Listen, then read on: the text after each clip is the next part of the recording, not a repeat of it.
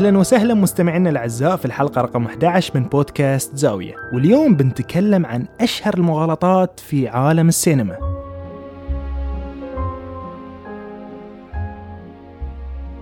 السينما حالها حال الكتب اللي إذا وضعتها في مجهر علمي أو فلسفي بتترشح العديد من الأفكار. وإحنا اليوم مو بصدد تخطئة أفلام معينة وإنما وضع بعض الأفكار اللي قدمتها الأفلام كحقائق في المجهر. عشان نشوف هل هي فعلا حقائق ووين مواضع الخطأ فيها. وخلونا نستهل جولتنا مع أشهر هذه الأفلام. What are you doing? Endurance rotation is 67, 68 RPM. Okay, get ready to match our spin with the retro thrusters. It's not possible. No, it's necessary. ببتدي باهتمامي الأول في الحياة اللي هو الفلسفة وخلونا نشوف وين هو المحظور الفلسفي اللي وقع فيه انترستيلر المغالطة اللي طاح فيها الفيلم هي مغالطة الدور وهي المغالطة اللي تقول بأن الشيء مستحيل يصير علة ومعلول في نفس الوقت. يعني تخيل مثلا تقول حق واحد أن فلان كان على وشك يغرق لحد ما بعدين مد يده لنفسه وأنقذ نفسه. على طول بيقول عنك مينون لأنه مستحيل أنه يكون علة إنقاذه والسبب الناتج عن عملية الإنقاذ في نفس الوقت. والسؤال وين تصير بالضبط هالمغالطة في انترستيلر؟ نقدر نقول بأن أكبر مشكلة فلسفية في الفيلم بأن كوبر هو منقذ نفسه. وهذا يعني أن الفيلم يدور حول نفسه بمعنى أن كوبر اللي وصل في نهاية الفيلم داخل الثقب الأسود بيعطي كوبر اللي يعيش مع بنته إحداثيات ناسا ويرشده لهم. ولما النسخة الثانية من كوبر تروح عشان تنقذ العالم تعطي نسخة ثالثة من كوبر اللي مع بنته الإحداثيات وكذي تستمر الأحداث بدون نهاية. كل نسخة من كوبر تنقذ النسخة اللي عقبها. ليش مستحيل تتحقق هذه المغالطة في الواقع؟ لأن باختصار مستحيل يجتمع العلة والمعلول في محل واحد. مستحيل الواحد ينقذ نفسه مثلا من حادث سيارة أو يغشش روحه في امتحان عن طريق الانتقال بالزمن. لأن هالشيء يتعارض مع مبدأ الهوية في الفلسفة ولأن كل العلوم الطبيعية أخص من الفلسفة فكل ما تمنع الفلسفة فهو بالضرورة يمتنع حصوله في العلم. وهذه قاعدة منطقية ما في أي عاقل يقدر ينكرها. ومو بس في الفلسفة حتى عندك في الرياضيات هالشيء ممتنع الحصول. لأنه بيسبب مشاكل رياضية إحنا في غنى عنها مثل التسلسل اللانهائي في العالم الخارجي. ولو بتسأل أي شخص دارس رياضيات بيجاوبك نفس الجواب. إنزين هل هذا يعني إن كل الفيلم أفكاره خطأ؟ لا. الفيلم كان غرضه الأول تطبيق مجموعة أفكار علمية بشكل بصري مثل نسبية أينشتاين والثقوب الدودية والثقب الأسود. وجزء من هذه الأفكار الفرعية اللي اندرجت تحت الأفكار السابقة هي خطأ وهي اللي تتسبب مثل ما قلنا بمشكلة الدور المنطقي. وبناء على مآلات هذه الإشكالية نقدر نتأكد بأن فكرة السفر عبر الزمن هي مستحيلة التحقق It is estimated most human beings only use 10% of their brain's capacity. Imagine if we could access 100%. ومن المغالطات العلمية اللي روجت لها السينما وايد في أفلامها حتى صارت أشبه بالقناعة الراسخة عند الناس وهي أن العقل البشري يستخدم بس 10% من كفاءته الفعلية وهالكلام علميا ما له وزن أبدا ومن الأفلام اللي روجت لها الفكرة فيلم لوسي وليمتلس اللي يصورون لك بأن العقل فعلا ممكن يوصل يوم من الأيام ويتحول إلى جوجل. وأساس هذه الأفلام يقوم على الخلط بين الوعي واللاوعي. ومعروف عند الكل شنو هو الفرق بين الاثنين؟ واللاوعي هو كل مخزون إدراكي عند الإنسان من انولد إلى اليوم. كل شيء شفته أو سمعته أو قريته فهو مخزن في اللاوعي. وهذه من عجائب خلق الله سبحانه وتعالى. وشلون أن الإنسان عنده حافظة موسوعية بهالحجم؟ وأصل المغالطة السابقة مبني على الاحتكام إلى الجهل. وهي المغالطة اللي تقوم على تصحيح افتراض معين طالما لم يثبت خطأ الافتراض. يعني تخيل مثلا واحد يلاحظ بريق معين في السماء ويقول لك أكا هذه دليل على وجود مخلوقات فضائية. آه تقدر تنفي؟ خلاص. دام ما تقدر تنفي معناته هذه حقيقة. الطبيب والبروفيسور سيرجيو دي لاسالا ناقش هذه الفكرة في كتابه اللي للأسف لم يترجم إلى العربية اللي هو خرافات العقل البشري. وقال بأن الأدلة اللي استند عليها الفريق المؤيد لهذه الخرافة تحتكم للجهل. وعلى قولة كارل بوبر في كتابه الموسوعي منطق البحث العلمي يقول باستنكار وسخرية لو الإنسان مشى على هالمنهج في الإثبات يقدر يثبت وجود كل شخصية ومخلوق. وهذه ضرب من الجنون.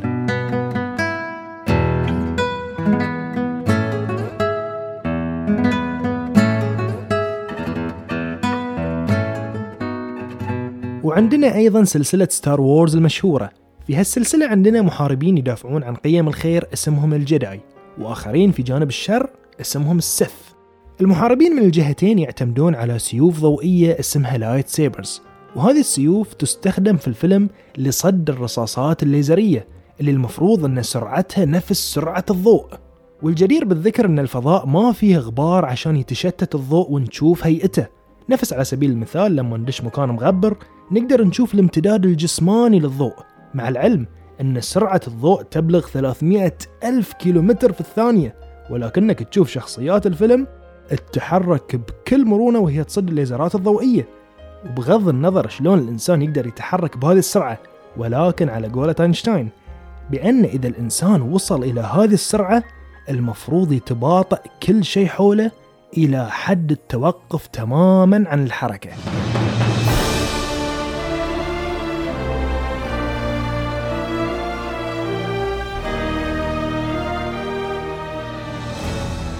وأيضا عندنا سلسلة ستار تريك اللي انسفت النظرية النسبية تماما. في هالسلسلة نشوف أخطاء فيزيائية كبيرة جدا مثل الاتصال من كوكب إلى آخر بشكل لحظي وبدون أي تأخر على الإطلاق. أدري أن الفيلم يتكلم عن المستقبل البعيد وقت ما التقنيات تكون خارقة وغير طبيعية ولكن الاتصال عمره ما بيكون بشكل لحظي لعدد من الأسباب. أولهم وآخرهم أن في حدود لمدى سرعة انتقال الموجة الكهرومغناطيسية اللي حتى لو انتقلت بسرعة الضوء من كوكب إلى آخر بيصير في تأخر زمني بالضرورة.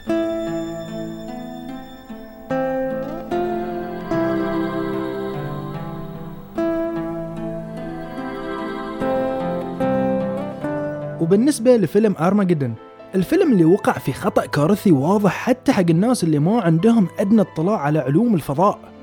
الفيلم يتكلم عن كويكب بحجم ولاية تكساس. على بعد فترة قصيرة من زيارة الأرض وتدمير كل أشكال الحياة عليها. طبعا واضح حتى بالنسبة حق الناس اللي ما عندهم أدنى اطلاع على علم الفلك. من المستحيل بل سابع المستحيلات يكون في كويكب بهالحجم وما يكتشف في وقت سابق. الفيلم بهالتصور يعتبر إهانة كبيرة لوكالة نفس وكالة ناسا. أنت قاعد تتكلم عن كويكب مساحته 700 ألف كيلومتر مربع وحجمه تقريبا نفس فرنسا. يقول الفيزيائي في جامعة مانشستر ديفيد كيربي بأن هالفيلم أكثر فيلم أهان وكالة ناسا اللي تكتشف أجرام سماوية على بعد مسافات ضوئية بعيدة جدا عن الأرض وتفاجئ في نفس الوقت لما تشوف كويكب بحجم فرنسا مقترب فجأة صوب الأرض.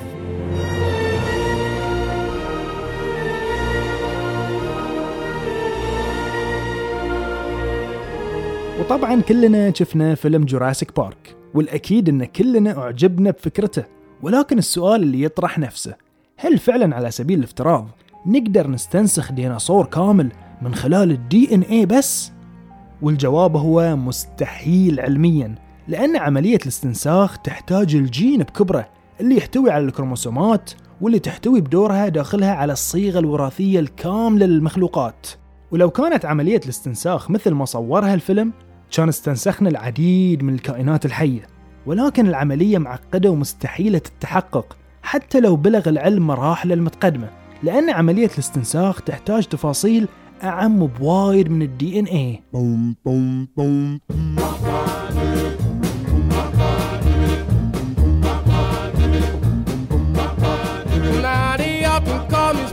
but my real name is Mister.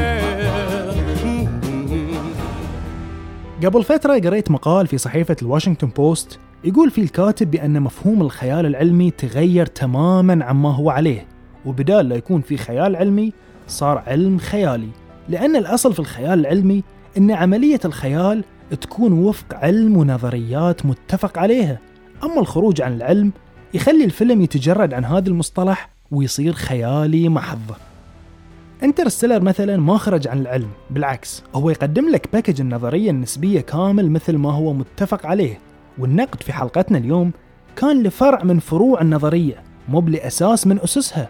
وهذا الفرع أساسا مختلف عليه من قبل بعض المدارس الفيزيائية مثل مدرسة كوبنهاجن.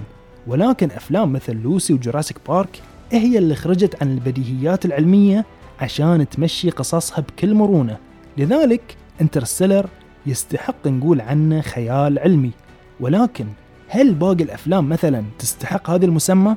ما بقول إنها تستحق أو لا ولكن تستحق على الأقل إعادة نظر. طبعا إحنا ما نحكم على مستويات الأفلام من أخطائها بالعكس إحنا مجرد نستعرض الفكرة العلمية اللي استند عليها الفيلم في ضوء العلم والعقل. لأن عدد كبير من اطروحاتها اليوم صاروا الناس يستخدمونها كحقائق في الإثبات والنفي. اليوم في النقاشات تسمع صدى معلومة العشرة بالمية هذه وايد وتسمع صدى الاستنساخ وايد والاثنين مفهومين بشكل خاطئ تماما وأعتقد يا وقت الوقوف أمام هالتداول الخطأ للمعلومات.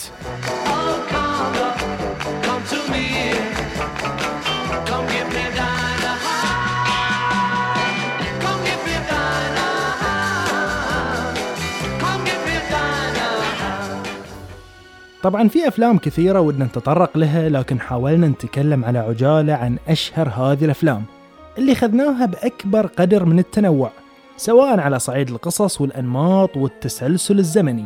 الهدف من الحلقة هو تصحيح بعض المفاهيم بخصوص أفلام الخيال العلمي المشهورة ومحاولة صياغة وتعريف مفهوم الخيال العلمي من جديد. هالغايتين اللي كانوا في صدارة غايات هذه الحلقة. وقبل الختام كالعادة نشكركم جزيل الشكر على متابعتكم المستمرة للبودكاست. وإذا عجبتكم الحلقة لا تنسون تقيمونها ولا عليكم أمر على حسابنا في إنستغرام زاوية دوت بودكاست على أمل اللقاء بكم في الحلقة الجاية الحلقة الأخيرة من الموسم الأول. تقبلوا تحيات فريق العمل وإلى حلقة قادمة بإذن الله. سلام.